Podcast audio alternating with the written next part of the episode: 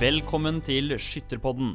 Vi er på episode nummer åtte, og i dag har vi en spennende sending foran oss. Vi har nemlig to landslagsskyttere som er på besøk, og banesesongen er i gang for fullt. Vi skal også innom siste utgave av Norsk Skyttertidene sammen med redaktøren sjøl, og vi skal ikke minst innom spalten Terjes hullkorn, selv om Terje Vestvik egentlig er bortreist i dag. Mitt navn er Sveinung Eide Hansen, jeg er programleder. Og vi har også med oss Ola Fjuk Herje, som er ungdomskonsulent og klasse 4. Eller klasse 5. Klasse, fe klasse 5? Du er klasse 5, er du sikker nå? Ja, jeg er det. Jeg Ja. Vi har også med oss Står det, i hvert fall. det står det, ja. Kristina Irén Vestveit Nervold, du er utdanningskonsulent og klasse 5. Klasse 5, ja. Klasse 5. Det står klasse 4 på arket her. Det er litt sånn Ja, eh, jeg skrev feil. Ja. Jeg skrev feil. Den tar jeg på min kappe. Og eh, så har vi to gjester også. Vi har eh, Henrik Larsen. Velkommen i studio. Jeg er klasse fire. Du er klasse 4. Og så har vi Simon Kolstad Klausen, som også er landslagsskytter, og klasse Og Klasse fem. Klasse 5, ja. Ja. Det stemmer. Vi starter eh, rett og slett med gjestespalten. da. Det er ingen tvil om at det er mange DFS-ere som følger landslaget til NSF tett når dere er ute i, eh, ute i verden og konkurrerer. Og mange gjorde nettopp det. De fulgte med dere da dere var på verdenscup i Kina, som eh, gikk i forrige uke.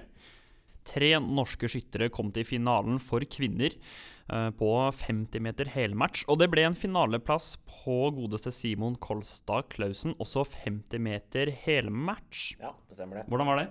Nei, det var kjempeartig. Det er, eh, det er litt det, Du må nesten oppleve det sjøl, tror jeg. Det er litt vanskelig å beskrive, men det er, det er kjempeartig. For det, altså, skyting er jo en enormt stor verdensidrett. Hvis du tar, ser liksom på de olympiske idrettene, da, så et, jeg har ikke noe sånn 110% faktasvar på det, men jeg tror det kun er friidrett og svømming som har liksom flere nasjoner representert da, enn skyting. Det er Foran OL i Rio så var det 158 nasjoner som prøvde å kvalifisere skytterne sine til, til OL, og foran Tokyo nå så ligger vel antallet på sånn cirka det samme. Det er utrolig mange, så det å komme da blant de åtte beste og få stå side om side med de beste i verden da, og skyte om medaljer, det, nei, det er utrolig moro. Ganske stort. Stort. Henrik, hva skjedde med finalen din? da? Nei, jeg kommet litt uh, treigt i gang med sesongen i år. Men uh, ja, det løsner for hver trening og hver konkurranse som jeg skyter, så det blir bedre og bedre. Ja, Vi har, vært inne, vi, vi har snakka om deg tidligere i andre podkaster her. Du fikk gjennomgå av eh, Terje Vestvik, som mente at du kom til å floppe på landslagsstevnet. Men du gjorde faktisk ikke det. Du hadde 2.38 på landslagsstevnet som var i fjor. Stemmer ja, ikke? Jo, det stemmer det. Jeg la inn en skikkelig kjapp spurt. for å prøve å komme meg i form. Skikkelig innspurt. Skikkelig Ja. innspurt, ja. Nei, jeg lå en par dager på banen, eh, for jeg fikk en telefon fra Toridar som sa at eh, for å legge inn ja, litt bedre trening fram mot eh, VM og kjenne på presset, så ringte Tor Idar og sa at han har snakka med NRK. da. Så han hadde fått rigga at jeg skulle få skive 1 i siste laget i klasse 3. For at eh, jeg var jo tredjeklasseskytter da, faktisk. eh, Med kamera på standplass og intervju og sånt før jeg skulle skyte. da. Så da måtte jeg jo forberede meg litt. Jeg ble jo skikkelig nervøs. Det banka litt under skytterdressen? Ja, eller? banka, banka skikkelig under jakka. Jeg vil eh, sammenligne det med å stå i VM-finalen. Du vil det? Ja, det var faktisk eh, For at eh, DFS er jo ikke noe jeg skyter til så mye. Så det å gå inn på standplassen og vite det at det, du er redd for å drite deg ut, da. Det å skyte noe som du egentlig ikke har helt kontroll på lenger, så kjente jeg at det var ganske trøkk.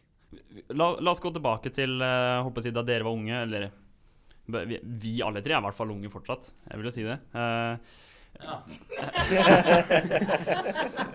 ja, du er ung du og Ola og Jeg er steingammel, for jeg er jo 32. Så. Jeg er yngre enn Simon. Eh, Par, par måneder. hvor var det du starta, Simon, som skytter? Jeg starta i Setskog skytterlag. Setskog er jo hjembygda mi, da. Der jeg er Jeg er født og oppvokst. Hvilket Hvilke samlag er det? Det er Akershus. Akershus, Det er nabo, naboklubben til Ørland Bjørkelangen, kan du si. da. Det er en tolv minutter kjøring fra Setskog til Bjørkelangen. Da Eh, kjører du fort, ass. ja, Ja, det, ja, ja, greit. Ja, ok, greit. 20, ja, 20 minutter, 20 minutter hvis du, hvis du holder fartsgrensa. Er, er, det, er det det som er Setskauen? Ja, Setskauen. ja. De, de var veldig kjent for å ha et av de største åpne feltstevnene i Norge. Jeg vet ikke om du har skutt felt på Setskogfelten? Du, du, du og jeg gjorde det, Ola. Ja, Mm. Som var veldig kjent eh, for det før. Så nå er det jo var jo mer kjent for å ha De har ganske bra rekrutteringsarbeid på, på Setskog. Har en fin 100 meter eh, med elektronikk, og så skyter de inn i gymsalen på skolen med, med luftgevær, I gymsalen. Ja, i gymsalen på skolen med luftgevær, faktisk, på 15 meter, da. Ja. Eh, Så bra rekrutteringsarbeid, som jo jeg var en del av når jeg var yngre. Og så er det jo blitt vanlig at eh, når du begynner på ungdomsskolen, ikke sant, det er jo ikke ungdomsskole på Setskog, så da må du jo til Bjørkelangen. Og da kom, sånn som i mitt tilfelle, da, så kom jeg jo i klasse med andre som skøyt for Hølland Bjørkelangen skytterlag, og da ble det jo veldig naturlig å melde overgang dit. Da, Det er jo stort skytterlag det i da, for så vidt. Hvor gammel var du da du begynte? da var jeg en tolv år, var jeg da. Sånn, ja. Og da du skjøt inn i første skudd på Eidsbergbanen, Henrik, hvor gammel var du da? Nei, før jeg starta med skyting, så var jeg sikkert eh, fem, da. Fem år. Ja, fikk låne prøve jaktrifla til pappa, som da var en uh, ombygd banebørse til jaktbørse. da. Uh, og så, i ja, fem år etterpå, så var det noen kompiser uh, hjemme på Mysen eh, som inviterte meg og lyst, spurte om jeg hadde lyst til å være med og mm, skyte på Eidsbergbanen. Og så bare begynte jeg. Eh, For jeg fikk aldri beskjed at den andre i familien eh, hadde drevet med skyting. da, Men jeg først sa til foreldrene mine at jeg hadde, begynt, hadde lyst til å begynne med skyting, så kom jo pappa og sa at nei, jeg har vært skytter, jeg har drevet med svartkrutt og DFS og nordisk mester. ja, da kom det fram. og da kom det fram, liksom. Altså, de ville ikke pushe meg på noe som uh, ville finne ut av det jeg hadde lyst til å drive med sjøl. Og da var alle i familien hadde drevet med skyting. Jeg husker godt, eh, jeg kjenner jo også faren din, Henning. Han fortalte første stevne du skjøt. Så var det, det hadde du sikkert trent en del på forhånd, da, men eh, jeg husker, han- jeg husker skikkelig godt da han sa det. Han sa første stevne Henrik skjøt, så fikk han patroner. Han fikk børsa og felteska, og så var det rett inn på standplass. Gå inn og skyte. Han fikk ikke noe, jeg fikk ikke noe hjelp av far din eh, Nei, på ditt første stevne. Nei, det var ikke Så jeg lærte den harde måten. Jeg lada, lærte å lade patroner tidlig, da. Ja. Så skulle jeg huske det, men det var noen stevner som det var litt Det var akkurat som å klemme på en eh, dårlig banan, for det var dårlig med krutt i patronene. Så, så det kom noe Jeg hadde vel to 45 på et stevne med en femmer som satt under, og det var litt, eh, ja, litt lite krutt i noen av dem, da. Men jeg lærte den harde veien, så det mm, ja. Nei, jeg ser mange som er ute i feltløpene og sånt når vi var yngre på Finnfelt, og mange som eh, var veldig sånn ja, foreldre som hjalp til å skru, da, så jeg føler at det er kanskje et sånt lite ting som de kan starte med tidligere. da. Mm. At eh, ja, lære seg å skru i tidlig alder og finne ut av mm, hva man skal gjøre sjøl. På hvilket tidspunkt uh, fant dere ut av at dere har lyst til å satse mer på skyting? Det, det var eh, Når jeg leste Det var et feltstevne på Bjørkelangen, så leste jeg lokalavisa mi om Rasmus Lillekveland. Han er jo kjent eh, bane- og feltskytter fra Nordstrand. Og da vant han, da var han junior, og så vant han grovfeltstevnet eh, på Hemnesfelten, som det heter nå. da, Feltstevnet med Høland Bjørkelangen og samarbeid med Søndre Høland skytterlag. Og da sa han det at han ga mye av, av æren for at han var såpass god nå til Norges toppidrettsgymnas, og han gikk jo da på NTG Lillehammer. Og Da søkte jeg på det, og da så jeg at det var skytterlinje på Kongsvinger. Og når jeg kom inn der, det var da det det var da den ordentlige satsinga virkelig, virkelig starta. Så det var jo når du var en 16 år, da. Mm, 16 år. Det samme gjelder vel egentlig Ja, Henrik. måtte, jeg kom jo fra samme distrikt som eh, Marianne Berger. Eh, og pappa kjente faren til Marianne godt, så vi visste jo hvem de var. Hun var vel for øvrig skytterprinsesse Stemmer ikke det? Mariann Berger? Fra Elverum 2000 Nei, fra Evje. Evje 2009. 2009. Terje det noe sånt visste, men jeg veit ikke. Ja. Jeg tror det var, jeg fra hvor det har vært, 2009.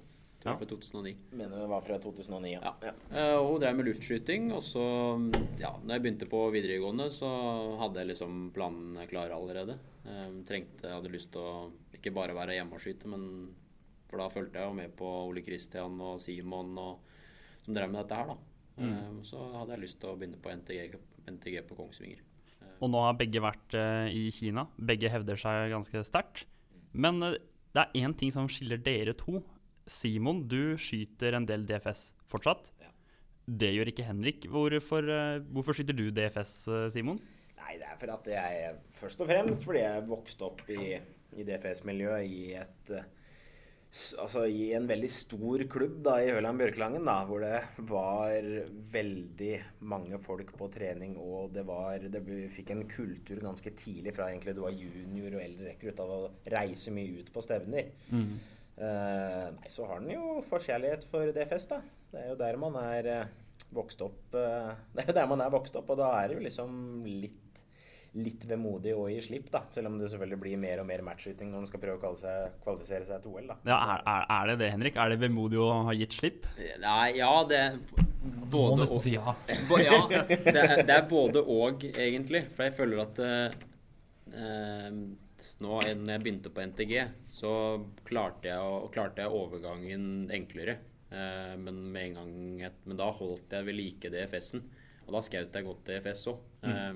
men så ble det mer tid til lufta og mer fokus på matchen. Og da ble det mindre tid til DFS-en, og da ble det på en måte litt, da ble overgangen litt tøffere pga. at det er stor forskjell på avtrekk, stokk og, og ha det tidspresset. da. Eh, og da ble det til at nei, nå går jeg 100% for matchskytinga, og da må jeg legge DFS-en litt på is. Til jeg da er ferdig med matchen og tar opp DFS-en igjen.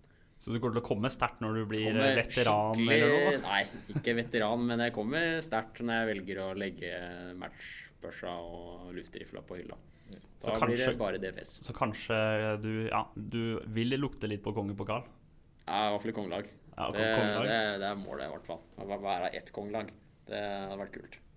Men dere som kjenner nå skyttere eh, som kommer fra land som er veldig forskjellige fra Norge, eh, skiller Norge seg ut på et eller annet vis? Ja, vi, jeg vil si at vi skiller oss ut på Hvis du ser på verdensrankinga da, eh, nå, på ordøvelsene, og 10 meter luft, også 50 meter helmatch finkaliber. Så luftgevær, det, der domineres verdensrankinga av eh, nasjoner fra Asia. eh, Spesielt Kina, men veldig mange nasjoner fra Asia, også Russland. da. På 50 meter, hvor det skytes i tre stillinger, der er, eh, domineres verdensrankingen av skyttere fra Europa. Ja. Og, og Norge, da, med meg og Henrik og Jenny Stene, som er høyt der oppe. Jeanette Egg Duestad tok jo kvoteplass til OL i Kina og tredjeplass. Kjempeprestasjon. Alle kjente DFS-navn nå, for så vidt. Ja, men, men det er at vi altså, Grunnen til at Norge hevder seg så bra på 50 meter, det er jo for at vi har en kultur i det frivillige skyttervesen. Eh, altså, det er veldig mange som driver med rifleskyting i Norge, og 90-95% vil jeg si, det er jo født og oppvokst i DFS. Og der er vi jo ja, født og oppvokst i, med tre stillinger da, veldig Ja. tidlig. Og det, det tror jeg er en av grunnene i hvert fall til at vi hevder oss så godt på 50 meter. I Asia så er det oppvokst med luftgevær. Det, er- det, det er vi ikke i store deler av Europa, eller i Norge i hvert fall. da. Så ser du jo samtlige skyttere som Norge sender utenlands. Eh, Det er vel to unntak, Are og Malin, som starta med bare luft. Men ja, eller de stort sett andre skytterne kommer fra DFS-miljøet. Ja, men det jeg lurer på litt, da, er Har du drevet med noen andre idretter enn skyting? Altså drevet med noe annet? Ja, jeg har jo Jeg skulle egentlig bli golfspiller, jeg. Golf, ja. Okay. Så, for at det, eller vi har jo på en måte vokst opp med jakt og fiske, så det blei jo overgang til skyting. Men eh, jeg begynte også med golf da jeg var fem, så jeg holdt jo på med det i ti år fram til jeg var 15. Eh, og når jeg på, Så jeg var jo god på det, men så blei jeg fortere god på skytinga. Så sånn i etterkant så er det litt sånn Jeg hadde jo tjent eh, veldig mye mer penger hvis jeg hadde blitt eh, god på Ja, god på golfen. Men eh, ja, nei, skytinga er noe jeg brenner for, så da ble det ble det, det, egentlig. For det er jo det miljøet som Når du reiser rundt på det feststevnet du, Kanskje ikke du kjenner alle, men du, ja, du sier jo hei og snakker med folk. Og det var litt annerledes på golfen. For da bare møtte du opp, og så var det veldig mange gamle folk som gikk en runde, og så reiste de igjen. Ja. Og du blei liksom aldri noe Du prata Dem du kjente, dem prata du med. Men når du møtte på andre folk, så var det liksom du så i bakken eller titta andre plasser. Men på DFS-en så var det liksom alle kjenner alle, virker det som, da, selv om du ikke kjenner noen. Alle er veldig hyggelige og ja, sosiale, da. Mm. Banesesongen eh, dere er eh, fullt i gang, i hvert fall her på Østlandet. Ola, du, hadde, eh, du tok bilde av en resultatliste her og viste meg i stad. Ja. Hva var spesielt med den uh, resultatlista? Nei, Der? det var, eh, det var på Skaumåsandstevnet, som var nå forrige helg, tror jeg. Uh, Så var det i V73-klassen. Så var det hadde jeg en uh, i laget mitt som skøyt 350. Og han gjør ikke, altså, i V73, han gjør ikke det så mye lenger. Han havna på tiendeplass, nordmann, ja. Nordmann Dahle, ja. Han havna ja. på tiendeplass med 350 i V73. Jeg syns det var litt morsomt. På et helt vanlig stevne. Tiendeplass. Ja, tiendeplass. Det var ti stykker som hadde 350 i den klassen. Eh, og det er ganske spesielt, egentlig. Det er, Nå har ikke jeg sjekka resultatene på LS sånn siste åra, men det er ikke ja. det er, eh, det, Og det var faktisk ganske Jeg tenkte med en gang Når jeg så, hørte at den kom på tiendeplass med 350, så tenkte jeg at da, da var det kanskje ikke så veldig mange deltakere i klassen. At det, at det kanskje var, bare var tolv stykker, men det var faktisk ganske mange deltakere i klassen òg. Det var over 20, tror jeg. Ja. Så det er helt ekstremt nivå blant de eldste kara. Odd Goldsrud som vant, eller? Det veit Nei. Nummer to. ikke. Nummer to, ja. Oi, nummer to. oi, oi. Ja. Oi. Men eh, for øvrig, eh, Odd Kolsrud skjøt eh, 350 med 35 vinner for hva da? 15. gang, Ja, visstnok. det er Sterkt. Jeg vil påstå at Norge har eh, verdens beste veteranskyttere. Ja, jeg, jeg tror ikke det er så mange som er uenig i det. Nei. Nei, hvem skulle det er ganske, ja, det var ganske morsomt, det, akkurat det på det stedet der. For det, ja. det er mange veteraner som skyter mye, og de skyter godt. Mm. Kristina, har du noen tanker om eh, banesesongen som, eh, som kommer nå? Eh, For min egen del, tenker du på det, eller? Kanskje begge deler? Både for bredden og deg? Ja, for, ja, for at når vi skal snakke om bredden, da, så tenker jeg at vi må begynne å snakke om disse rekruttene våre og eldrerekruttene og juniorene. Eh, og hvordan står det til med bredden i deres lag, Simon og Henrik?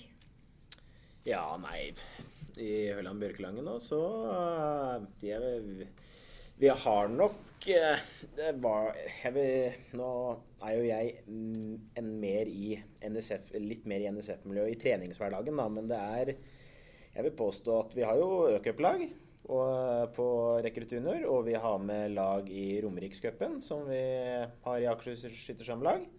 Så det er vel Jeg vil si at det er ganske greit, selv om jeg kanskje Det var vel kanskje litt bedre da, da jeg var eldrekrutt og junior, men jeg vil si at det er greit. Vi har med liksom lag i, i cuper hvor du stiller med fire skyttere. Der har vi med to lag, og så der du kan ha med da åttemannslag, er det vel. Fem beste som teller, tror jeg. Så, så jeg vil si at det er bra.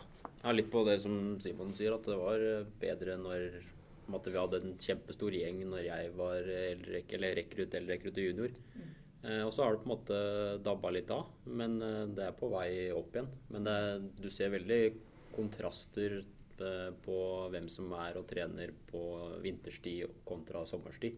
For hjemme så er det veldig mange som driver med fotball.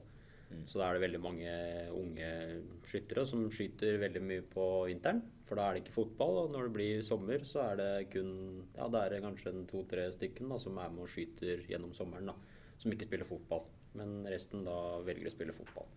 Så det er litt synd, men eh, vi får håpe det tar seg opp. Hva- Eh, hva- Men du, men du kan bli god til å skyte sjøl om du spiller fotball? Kan ikke det, Simon? Jo da, absolutt. Jeg dreiv mye med fotball jeg når jeg var yngre. Konkurrerte med Ola der også. Var og skyting. ja. Eh, altså, mitt første møte med Simon det var på fotballbanen. Ja. Og jeg var, jeg var forsvar, og han var spiss. Og vi var kanskje sånn åtte eller ni år gamle. ja, det var vel noe rundt der. Ja. Og det, det Simon gjorde, var at han sto ved siden av keeperen vår. Nede nede ved stolpen. Og så hadde laget han spilte på, CSK Rongsvik, var skikkelig gode. Så Simon skåra mye mål på at eh, vi glemte at han sto, egentlig sto der. Det var, ikke offside, da. Det var ikke offside. Det var, eh, det var, eh, ja. Så det er første møtet mitt med Simon. Han er spissen som sto og fiska på CSK Rømskog. Sto og putta mål, Ja, han han, han har scora mål, vet du. Men det er jo litt spesielt at man ikke kan drive både med fotball og med skyting. Er det sånn at man må velge allerede når man er ti år gammel? Det står Nei, vel kanskje jeg- litt på tid og kamper og Ja. stevner og Ja, men Må man spille fotball fire ganger i uka, liksom? Holder ikke med én? Eller sånn som i laget mitt, da, så hadde vi på en måte faste treninger, og det var på onsdag. Og da var det veldig ofte fotballtrening på onsdag. Eh, For da var det liksom Ja, det var én organisert trening da på onsdag for eh, ungdomsskytterne, og så var det organisert trening for seniorene og veteranene på torsdag, da. Eh, Men nå skyter veteranene litt sånn Ja, de kommer og går litt sånn som de vil, da, for at de har jo hele dagen. Eh, Men for ungdomsskytterne så var det veldig ofte på onsdag, og da krasja det veldig ofte med fotballtrening. Mm. Så dem som var på treninger, dem spilte jo ikke fotball, da, men da var det veldig mange som valgte fotball overfor skyting da på onsdagene. Og da ble det ja, litt lite oppmøte nå i nyere tid, da. Men hvordan er deres eh, erfaringer med ungdom og gamle på samme standplass osv.? Har dere noe Det- Jeg føler at erfaringer. det på en måte, Jeg husker når jeg scout, da, så lærte jeg veldig mye mer av å skyte med dem som faktisk hadde vært med i dette gamet her i lang tid. Og um, veteranene, selv om måte, de har jo vært med i veldig lang tid og sitter på mye erfaring. Eh, jeg husker jo spesielt godt når jeg var ung og når Sveinung var ung. Vi trente jo mye sammen og hadde god hjelp fra en som heter Robert Larsen. Eh, så det er mange, mange historier med det. Eh, Mm. Så vi har lært, jeg har lært eh, ekstremt mye av veteranskytterne. da. Så jeg føler at det er mye som går i spinn, eller blir borte, da, hvis det har egne dager som junior og rekrutt trener for én dag, og så er det en annen dag som veteranene skyter. da. Så det er mye lærdom som går glipp. Vektlegger dere det her, Kristina, med gamle og unge på standplassen? Ja, vi, Når dere driver kurs og osv.? ja, vi snakker jo veldig mye om hvordan man skal utnytte kunnskapen i skytterlaget. Hvordan man skal skape ett skytterlag. Og hvordan man skal prøve å drive rekruttering på best mulig eh, ja, eh, nivå i forhold til eh, hvordan skytterlaget er. Og der er det mange ulike løsninger. Eh, Men det, akkurat den der eh, tiltaket med at unge og gamle Jeg liker ikke å kalle dere gamle, da. Eldre skyter sammen. eh, Det er jo veldig bra. eh, Både for de eldre og for de unge. Ja, Det er jo det mest unike med skytesporten, syns jeg. da. Det er jo det at én på 10 år og én på 70 til 80 år da, kan konkurrere side om side i samme konkurranse. Det, du, det er jo sikkert andre idretter, idretter du kan det på samme treningsbane, men det er ikke så ofte du kan det i samme konkurranse, liksom. Det er, det er ganske unikt. Det er meget unikt. Jeg har, har litt spørsmål her eh, til, som går til dere to, som eh, skyter meget eh, mye. Yes. Hva kan være lurt å spise før skyting? Ja, i hvert fall når vi, når vi er ute og reiser, da, så spiser vi som regel eh, ikke veldig tett opp til konkurransen. Eh, sånn som når vi spiser frokost, så spiser vi i hvert fall frokost to timer før skyting. For det har påvirkning på hvordan balansen er og hvordan holdeområdet er. Da, for at mm. kroppen jobber med å må ned, bryte ned maten. Men vi pleier å, ja, hvis du er litt sånn småsulten, så kan det være at du tar, og, tar en liten knupp av en sånn bar eller eh, en banan eller et eller annet sånt da, for å få litt energi før du skal starte. Men ikke noe tungt måltid før skyting. Du vet eh, Ola, at hvis du har ambisjoner om å holde deg i klasse 5 nå, så må du utnytte kunnskapen som sitter over bordet her, og komme med litt spørsmål. Ja, nei, jeg, jeg tenkte jeg skulle spørre hva du mente før. Altså, Jeg regner med at du kjører pølser og sånn vafler før Du som er fra Østfold, Henrik, spiser du pølse i vafler Jeg spiser, nei, jeg spiser ikke pølse i vaffel før, men jeg kan spise etter. Kjører etterpå, ja. Kjører etterpå. Det går, ja, for jeg regner med at det er Ja, det det går går litt pølser i løpet av DFS-sesongen, eh, Simon. Ja da, det går jo noe, men eh, jeg, nei, jeg slenger meg på Henrik her, altså. Ikke noe Simon ikke, spiste pølse før vi kom hit, da. Ja, jeg, jeg, Så han kan ikke vri seg Nei, ikke, ikke sant, ikke sant. Her kommer det fram. Her kommer det fram, ikke sant. Nei, men det blir, hvis, det er, hvis det er så stramt regime, men da blir det ikke noe femteklasseskytter av meg. Jeg jeg var, jeg var femteklasseskytter, ja, stemmer det. Nei, men det, det er ikke, det er ikke, det er ikke liksom stramt, på en måte, men det, vi prøver å ha ja, ikke døtti på veldig mye mat før du skal skyte, for da står kroppen og jobber skikkelig. ja. Har det alltid vært sånn? At dere har tenkt sånn? Nei, det har det ikke. Man lærer og feiler. Å ja, så det er erfaringsgreie Ja. her. Ja. Hva med, hva med f.eks. søvn? Jeg har sett DFS Jeg har sett DFS-skyttere ta en liten lur før de går inn og skyter. Noen gjør ikke det, eller flesteparten gjør kanskje ikke det, men øh, ha, hva med søvn for deres del? Ja, vi har jo konkurranser som regel tidlig på morgenen. Mm. Så nå, når vi var nede i Kina nå, så starta vi jo klokka åtte. Eh, eller klokka ni, da. Så da er det på en måte du bare står opp, og så holder du deg våken til konk, og så Ja. Det er sjelden vi har konkurranser midt på dagen, så vi okay. slipper å mm, ja, ta Ellers så men Det har jo hendt at vi har hatt eh, EM midt på dagen. Og da har det vært at du slapp av ta en time eller noe, midt på dagen. da. Fra står opp om morgenen, og så klapper du av litt utover. Oppvarminga? Ja. Varmer Ja. dere fysisk opp?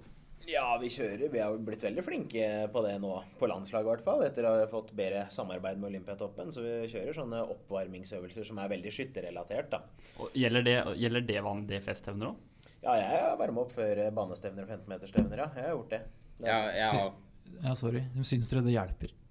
Ja, jeg, jeg, jeg, men jeg syns det. Jeg syns det. Men kanskje enda mer spesielt på NSF-øvelsene, hvor det er såpass lang hvor du, En helmatch som foregår nesten over tre timer, da. Men, eh, men, jeg, men altså, det hjelper på, på det festevner også, og i hvert fall hvis du skyter Hvis du skyter flere på en dag, da. så syns jeg det hjelper. For da er det Hvis du uten å ha varme opp, da, så må du du må liksom skyte ett stevne for å komme i gang. Jeg vet ikke om du har hatt den følelsen at når, hvis du skyter tre stevner på en dag, eller, eller to, da, så første stevne, og så går det litt lettere for andre. Ja, Ja. Ja, har, du- har, du, kjent på det før? Ja, ja, Ja, men og det er jo for at du har liksom varma litt opp og kommet litt i gang, ikke sant? Da hjelper det også å få gjort altså akkurat de Få, få varma litt opp før første stevne, da. ja, ja. For det er liksom Se på løpere, da. De går ikke rett på en maraton. De eh, Nei da, varmer jo men opp den, eh, nei da, men nei. Det blir liksom sånn for oss, da. da vi skyter jo i tre timer. Så det å Og hvis du har liksom Du bare går rett ut av senga, og så spiser du frokost og er rett på skytebanen, så tar det litt tid før du kommer i gang. Eh, og da er jo det å Ja, på en måte de øvelsene eh, er også skadeforebyggende, da. Når du står her og skyter i tre timer, så er det fort gjort at du drar på deg ryggskader og, og sånt. Så det er jo bare for å aktivisere musklene for å komme i gang, da. Ja. Men gutter, dere har jo alltid vært veldig flinke til å trene fysisk. Ja. Hva er det som er viktig med fysisk trening i forhold til skyting? Jeg syns det er eh, Nå er jo jeg Jeg er jo litt glad Litt for glad i utholdenhetstrening, syns eh, kanskje Olympiatoppen, da. Men, men eh, for meg så er det det å få overskuddet, rett og slett. altså. Altså få det overskuddet. Det, jeg, jeg, når jeg skal skyte en helmatch, eller hvis jeg skal skyte tre eller fire DFS-stevner på en dag, så merker jeg ganske bra forskjell altså, på, på det overskuddet som du har hvis du har trent ja, trent bra fysisk en måned, kontra hvis du ikke har gjort det. Så det er viktig. Og så er det som vi prata på i stad, så eh, trene liksom skadeforebyggende og styrke spesielt i kjernemuskulatur og ryggen, da. For eh, det er jo ikke når du står i stående stilling, det er jo Det er ikke en naturlig posisjon for ryggen, for å si det sånn, da. Så når du står sånn i mange timer hver uke over flere år, så blir det noen skader. Espen Berg Knutsen, tidligere skytterprins og landslagstrener for oss nå har jo prolaps i ryggen. Jeg tror ikke han hadde hatt det hvis han ikke hadde drevet med skyting over så mange år som han har gjort, for å si det sånn. Eh, og jeg har jo hypomobile ledd i knær og rygg. eh, og hoft. Så jeg må jo eh, trene mye fysisk for å klare å stabilisere det og, og ha kroppen så lenge som mulig. da. Hvis jeg ikke hadde trent fysisk, så blir jeg Da, må jeg jo, da får jeg prolaps og ender opp i rullestol, da. På, på verste tidspunkt, da. For, at det, det, For å dra det langt. for, å dra, for å dra det langt, da. Men Men eh, jeg tenker på dette med fysisk trening. Trenger det å være veldig avansert? nei. Nei, det trenger det ikke. Det, må ikke. det er jo litt hva du gjør etter sjøl, da. Men eh, det behøver ikke å være, være så veldig avansert. Nei, det gjør det ikke. Litt er bedre enn ingenting. Ja, Ja. Absolutt. absolutt. Hva, hvilke øvelser anbefaler dere, da? Nei, altså, på en måte, vi har jo mye spesifikke øvelser på Olympiatoppen som går på å isolere kjernemuskulatur, da. Eller trene Før dere begynte på Olympiatoppen, hva drev dere med da? Dere har, det er jo et liv før dette her òg. Ja. Nei, eh, liksom bare måtte Jeg trente litt på helsestudio for å mm, trene litt med vekter og bare holde kroppen i, i gang på en måte. Men før det så var jeg bare ute, mye ute. Brukte kroppen, være i skauen, det som gå turer. Alt hjelper, liksom. Eh, bare være i aktivitet. Og feltskyting også, for så vidt. Hvis du vil gjøre det godt i felt, så bør du jo på en måte ha litt kondis. Eh, du skal gå litt, du skal holde konsentrasjonen oppe og være påskrudd hele veien. Ja, Det er en fordel å ikke ha helt skiskytterpuls hvis du har gått i 800 meter med full opphakking og skal skyte kne på stripa, kanskje. Spesielt nå. Østlandsmesterskapet i år. Der, eh, Det var jo litt spesielt. Tom Vegard var jo også med der ute og tok noen bilder. Og jeg tror så vidt uh, han fikk noen bilder gjennom linsa, for det var jo vertikal regn og 12 meter i sekundet. Så det var sp- for spesielt interesserte. Hvor hvor, eh, gikk Østlandsmesterskapet i eh, år? Jo, det var Rakkestad. Rakkestad. Rakkestad, stemmer det. Ja, Det her vet jeg jo egentlig. Ja, åssen Ja. gikk det? Ja, det gikk kjempebra år, da. Ja, ja, ja. Jeg husker ikke hvor mange treff jeg hadde, men det var vel fem bak meg på resultatlista. Oi, oi, Så oi. det, men jeg, jeg var med. Jeg var med, Det var det viktigste. Og så var det en veldig bra oppkjøring til NM skifelt, da, som var helga etter. Du reklamerte for skifelt. og Yes! Og da var det meldt 17 meter i sekundet. Så det, Ja, arrangøren takla det kjempebra. Og det er faktisk oppfordring til Simon og Henrik å bli med på NM skifelt Ja, ikke sant det. Henrik, får på deg skia nå. Ja, Der er det så- kongepokal, ikke sant? Vinner. Da er Simon i skjørtet når det er fotball, Da er det på med skia. Skal du være med på NM på det løpet, hva heter det? Skogsløpet eller gjør, Simon? Ja, jeg var med i fjor. Ja, jeg vet. Eh, Da du passerte meg Du eh, pusta bra da. Ja, du passerte meg, men det var ikke lenge igjen til mål da, skjønner du. Nei, det var ikke det, det var vel en, en og kilometer, Ja, kanskje, eller noe. Ja, jeg, vet, var- jeg hadde jo 30 på LS i år. På, Ja, Ja, du hadde 30-19, faktisk, så jeg. Du var bra, du. Jeg hadde 30-19, ja. Så jeg var, hvor mange treff hadde du? 27. Ja, så da var du tre minutter bak meg, da. Ja. Og hvem var det som vant den duellen?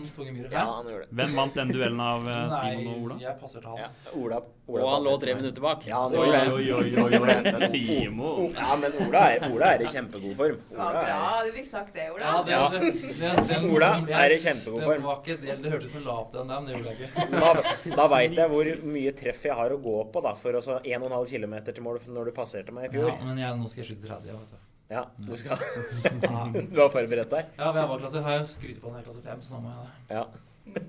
Men eh, Simon stiller opp på alt som har premier. Ja. ja. Det, vi hadde, det var tidligere, tidligere i år, for at da skulle Simon på konkurranse i Tyskland. Og da var han helt fra seg, for det var ikke konkurranser. Han måtte skyte konkurranser før han skulle, og da var han titta Det var ikke noe på DFS, ikke noe på luft, ikke noe på match. Og så plutselig så var det noen som, eh, som sa det, da var vel klokka sju på kvelden eller noe sånt noe. Nei, det er, det er stevne i Skiptvet og Rakkestad, tror jeg. Eller Spydeberg. Ja. Og, og da Hæ, er det det? Og da bråreiste han, og så skjøt han det klokka ni på kvelden.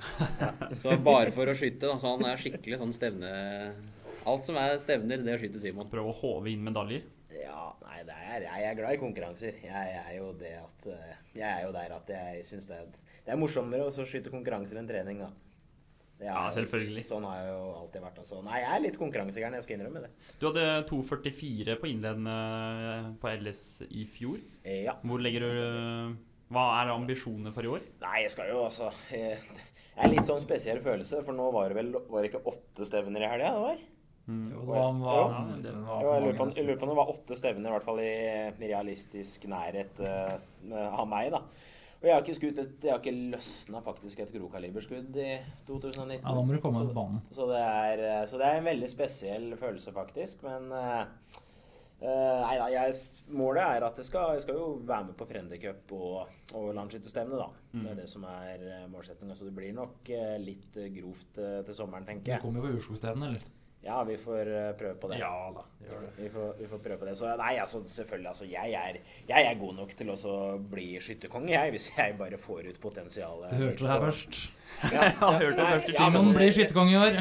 Jeg må jo liksom være realistisk. Jeg, jeg, jeg er god nok til å bli skytterkonge, det er uten tvil. Men, Men da er du jo såpass ærlig med deg sjøl at du, du har de ambisjonene, og du er klar over det. Ja, men, det, men det er klart at da, ambisjonene mine nå det er nok Jeg satser nok mye mer på å komme i et OL og gjøre det bra der. Ja. Uh, DFS det kommer jeg til å drive med til jeg blir pensjonist, så det, jeg, jeg, jeg, tenker, jeg, tenker, jeg tenker mer på, på OL nå enn jeg liksom gjør på kongelaget kongelag og så en kongetittel, da.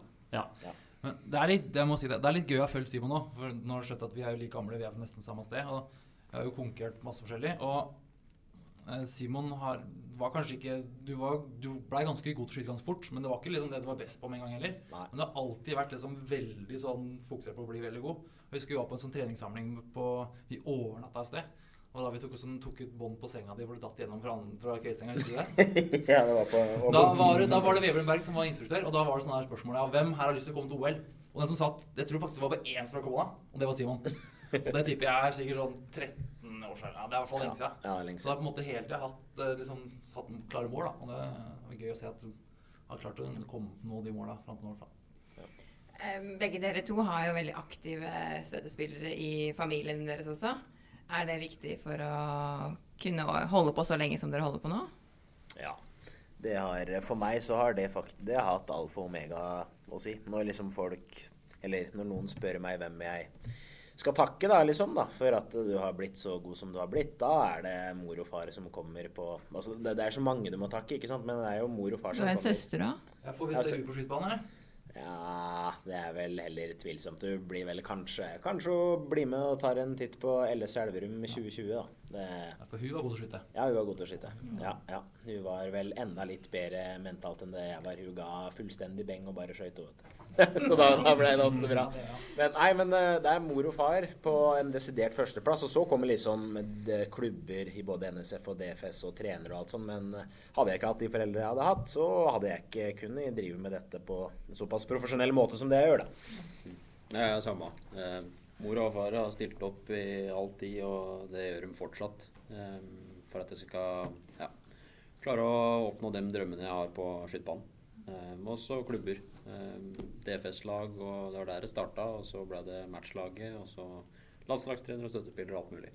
Mm. Så, men det, det starter med foreldre som eh, Mutter'n var ikke så ivra på Hun visste ikke så mye om skyting, men hun støtta meg i det jeg hadde lyst til å drive med. Og pappa var veldig inn i skytinga, for han hadde holdt på med det i hele livet sitt. Så To ydmyke skyttere som eh, videre nå skal ut i verden. Klokka to går Kiel-ferga nå fra Oslo ned til Tyskland.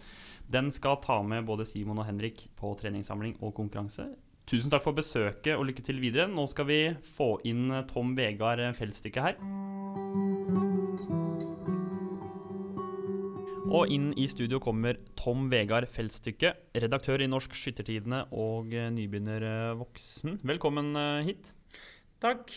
Åssen var det å sitte og høre på gjestene vi hadde inne i studio her nettopp? Det var to engasjerte skyttere som, eh, som har kommet veldig langt. Eh, Og det er litt morsomt, syns jeg, at eh, de begge fremhever eh, det gode som DFS står for. Eh, Både miljøet og at faktisk det de eh, Der de begynte, er der de har tenkt å avslutte det med skyting òg.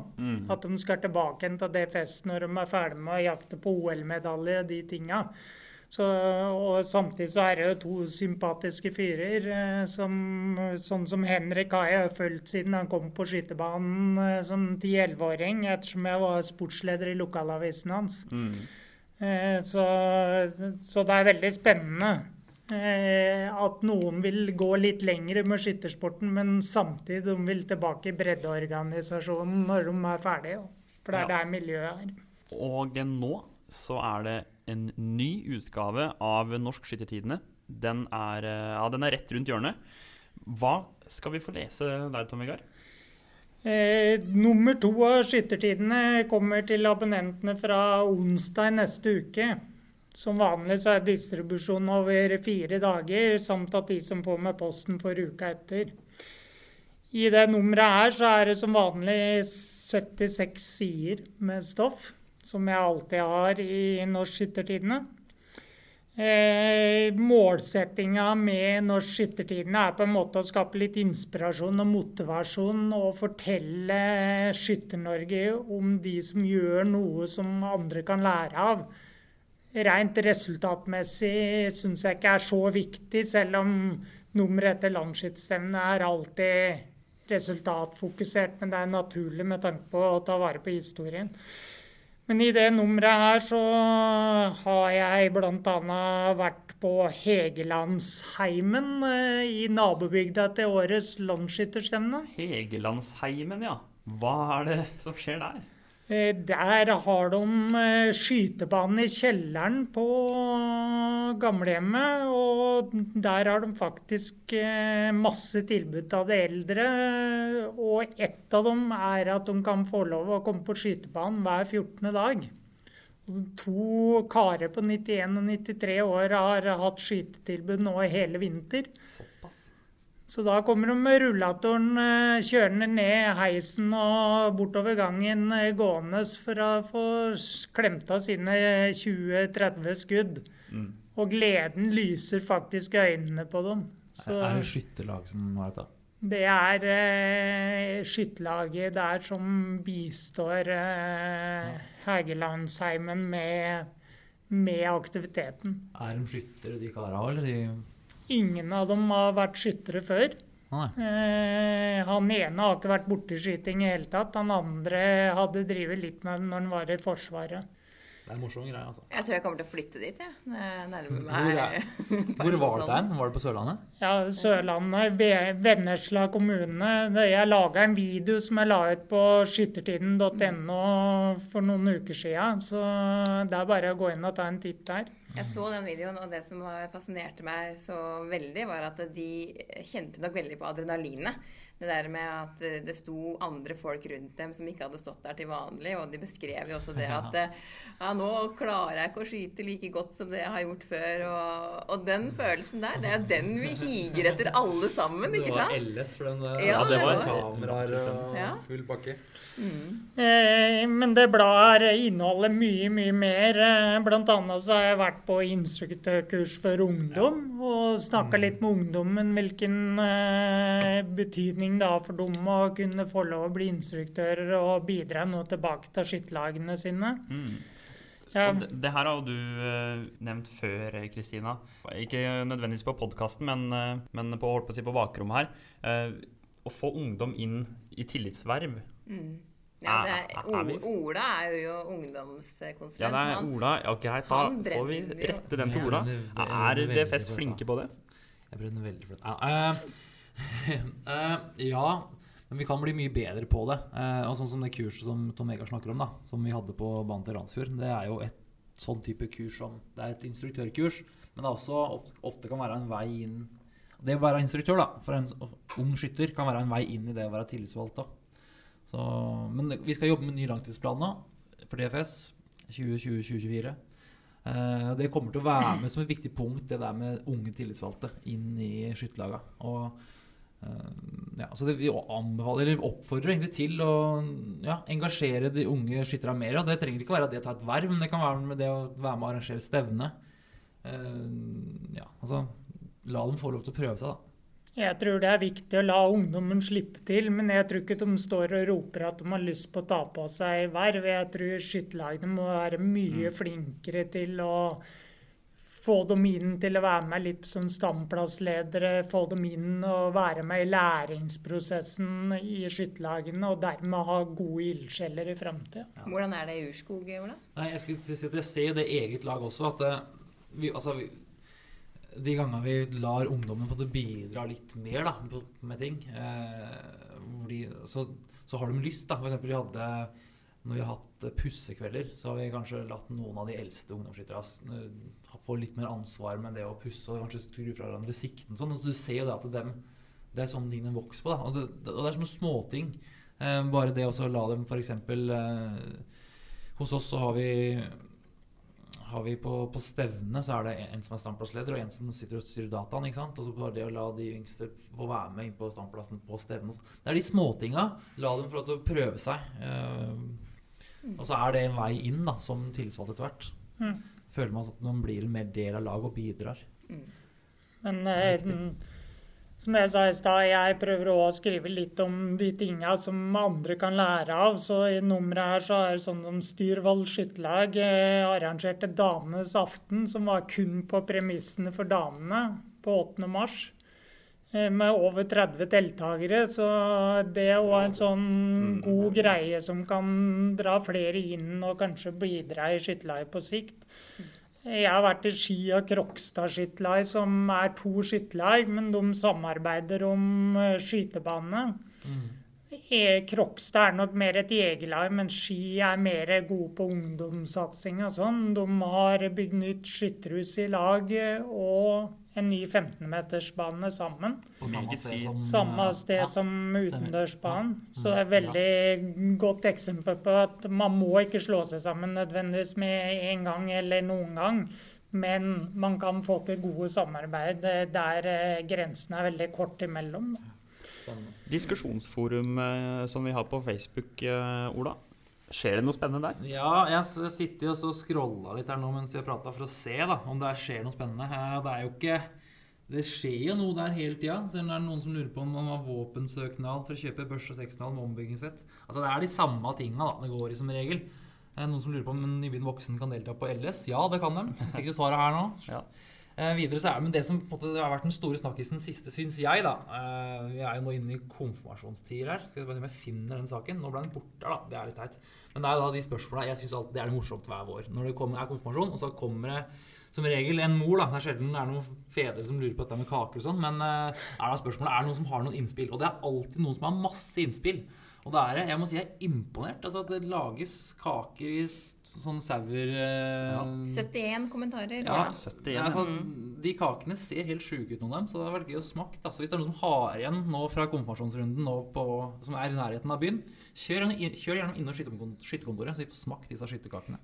Ja, Apropos kake, så er det vel kake på skytterkontoret i dag. Fordi Per Jarle Kristiansen er 50 år i dag. Det er kake, ja. Oi. Jeg visste det var kake. Jeg finner ikke den saken her. Men, altså, altså men diskusjonsforum er jo en annen ting. da. Vi kan jo si litt om det òg. Det er jo vi på skytterkontoret som modererer gruppa. Og vi har eh, siste måneden gjort litt med regelverket for gruppa der. Eh, så for at når det er 10 000 medlemmer i ei gruppe, så må en ha noen som følger litt grann opp hva som skrives og hva som eh, postes der. Det er ganske mange mennesker, det. Det er ganske mange mennesker, eh, og det skal sies at det er en ganske lett jobb å være moderator. Det er veldig sjelden det er egentlig noe, noe å slå ned på, men ja.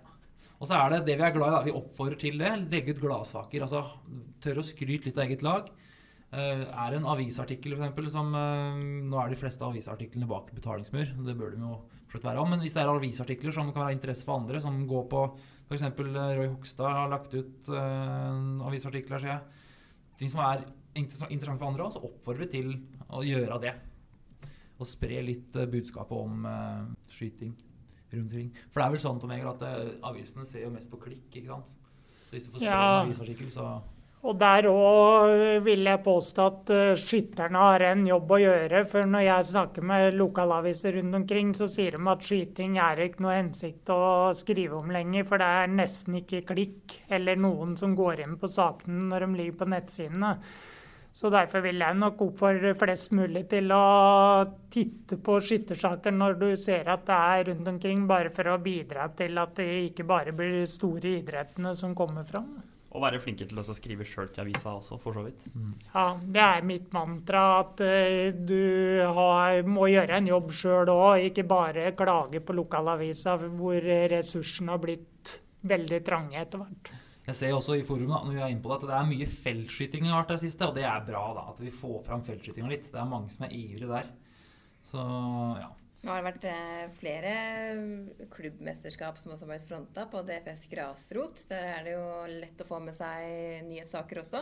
Ja, det er, ja, det er en genial side. Hvis du bare går inn på www.dfsgrasrot.no, så er det en samleside for alle nettsidene som skytterlag til skytterlag som har hjemmeside fra DFS. Og er, altså der får du alt sammen som er lagt ut i kronologisk rekkefølge nedover. Så der kan du bare sitte og scrolle til ikke gitt mer. Det er masse spennende å se. Ja, Hvis man ønsker ideer da, til feltskyting, så er i hvert fall det et sted å lete. fordi der er det lagt ut eh, både fra disse jegerfeltstevnene, hvor det, det er ja, skytelaget som arrangerer et jaktfeltstevne, da, rett og slett. Og der er det ganske mange morsomme varianter av feltskyting. Og så til slutt så vil jeg nå oppfordre alle i Skytter-Norge til å sende mail til redaktøren i Norsk Skyttertidende med tips når noen blir utnevnt som æresmedlem, får en kulturpris osv. Fordi det er veldig viktig at man får eh, registrert og vist fram litt av det som skjer rundt omkring. Så ikke vær redd for å sende mail til eh, nst krøllalfa dfs.no for å vise fram noen saker, eller sende bilder til meg, for jeg trenger hjelp. Jeg er én person. Redaktør og journalist og Ombrekker og bildebehandler og Vi mangler jo for så vidt én eh, fast kar i uh, podkasten her i dag. Det er Terje Vestvik som er bortreist. Og vi har, jo, vi, altså, vi har jo spalten som vi bruker hver gang. Terjes hullkorn. Ola, du har fått ansvaret for å grave opp litt skytterhumor. Hva har du funnet fram til oss i dag? Det jeg kom over dette her når jeg, jeg er litt usikker på åssen jeg kom over det, men jeg tror det var for jeg drev inn på Google Maps og så skulle til en skytebane. Eller om jeg bare skrev standplass i Google for å finne ut noe. Uansett, da, så fant jeg ut det. At det er en vei i Norge som heter Stamplassen. Altså Stamplassen? bare Stamplassen, ikke noe mer.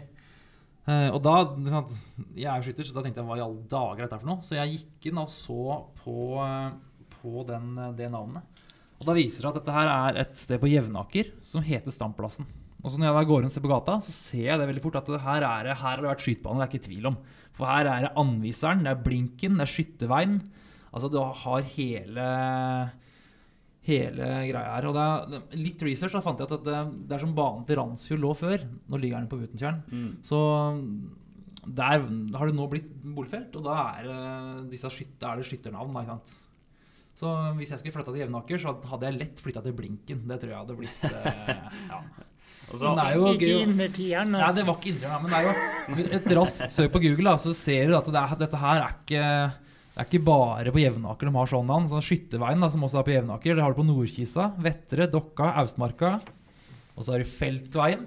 Det har du på Algarheim, Namno, Hernes, Ryssland. Altså, det er mange av dem. Og, så, og Skytebaneveien også. Som, Til og med Ola Fives Ja. vei. Siden Terje ikke er her, så må vi jo ta med Ola Five. Det er selvfølgelig i Steinkjer. Men det, fikk, men det fikk meg til å tenke på um, Det er en kar i studio her som har et uh, meget passende etternavn. Mm. Er, er, det, er det sånn du fikk jobb her, eh, Tom Vegard? Det var derfor han søkte jobb her. Han heter jo altså Tom Vegard Feltstykke. Det kunne jo ikke passa bedre. Hva, men hva er et feltstykke? Det har jeg ikke spurt om før. Hva er det? Nei, men eh, det, det er vel et navn som min oldefar tok til det stedet han flytta på Sørlandet. Der han kjøpte hus, og det var vanlig på rundt eh, starten av 1900-tallet at når man flytta et nytt sted, så bytta man navn etter stedet. Veit du hva ord betyr, da? Jeg veit det etter noen har sagt at det er i gamle dager så var det navnet på tysk feltkanon. Ja, så det er, militær, det er noe militært der. Men i Norge, Norge så er vi ikke mer enn 40 stykker som heter det. Så det er litt artig å ha Det navnet. Og så passer det fint at jeg heter Feltstykket, ettersom jeg er ute i felten og skriver stykker. Da. Mm, ja. Det ligger litt nord for Tvedestrand. Ja. Men det er jo det, og det, sikkert, altså det finnes sikkert mange andre sånne, mm, sånne stedsnavn som har tilknytning til skytinga. Eh, Jeg vet ikke, sånn, Det burde jo vært et sted som heter Innertieren. Jeg prøvde meg litt fram på sånn tieren, og sånn, men nieren, men det var ingenting som het det. Det var Blinken som liksom var Det det, er jo ingen var. som vil bo Altså, Du vil jo ikke bo i yttertieren heller, for så vidt. Du vil ikke bo i nieren eller åtteren eller Nei, jeg kunne tatt Yttertieren, da. Det hadde vært kult. da. Nei, Nei da. Så det, ja, det var det vi hadde da i den På Terje Terjes Sulkorn denne gangen. da. Mm. Så, hvis det, ja, hvis det er noen som bor i, eller veit om et sånt annet sted, så er det litt kult. Send Ja, gjerne en melding da, altså. Er du, er du skytter og bor i en eller annen vei som har med skyting å gjøre, så send eh, meg en mail, eh, så hadde det vært artig å gjort noe er mer ut av det. på- Det er forsida på neste skytterring. Altså. Det, altså. det må jo være en skytter som bor i Stamplassen eller Skytterveien eller noe på Jevnaker. Jeg liker veldig godt uh, fylkesveien som går forbi Nordre Skytterland sin uh, Nordre bane. Land? Ja, Nordre Land, ja. Oppi Dokka. Nordre Skytterland, ja. Nei, nei, ikke Nordre. Skytterland. Ja, Nordre? Land. Ja, er ikke det, er ikke det fylkesvei 250? Er det det? Jeg vil Det mene det. er i så altså. fall Det er gøy. Det Jeg er, tror det stemmer. For det- rett nedafor seg er det fylkesvei 249, og den vil du ikke kjøre på. Mm, nei. Det. Jo, vi er jo en breddeorganisasjon, så jeg bor gjerne i 249, jeg. Da er jeg fornøyd, jeg. Ja, da er du fornøyd, ja. Veldig hyggelig at eh, du lyttet på Skytterpodden. Del gjerne med venner og bekjente. Så tror jeg vi avslutter Skytterpodden eh, for i dag. Vi høres igjen senere.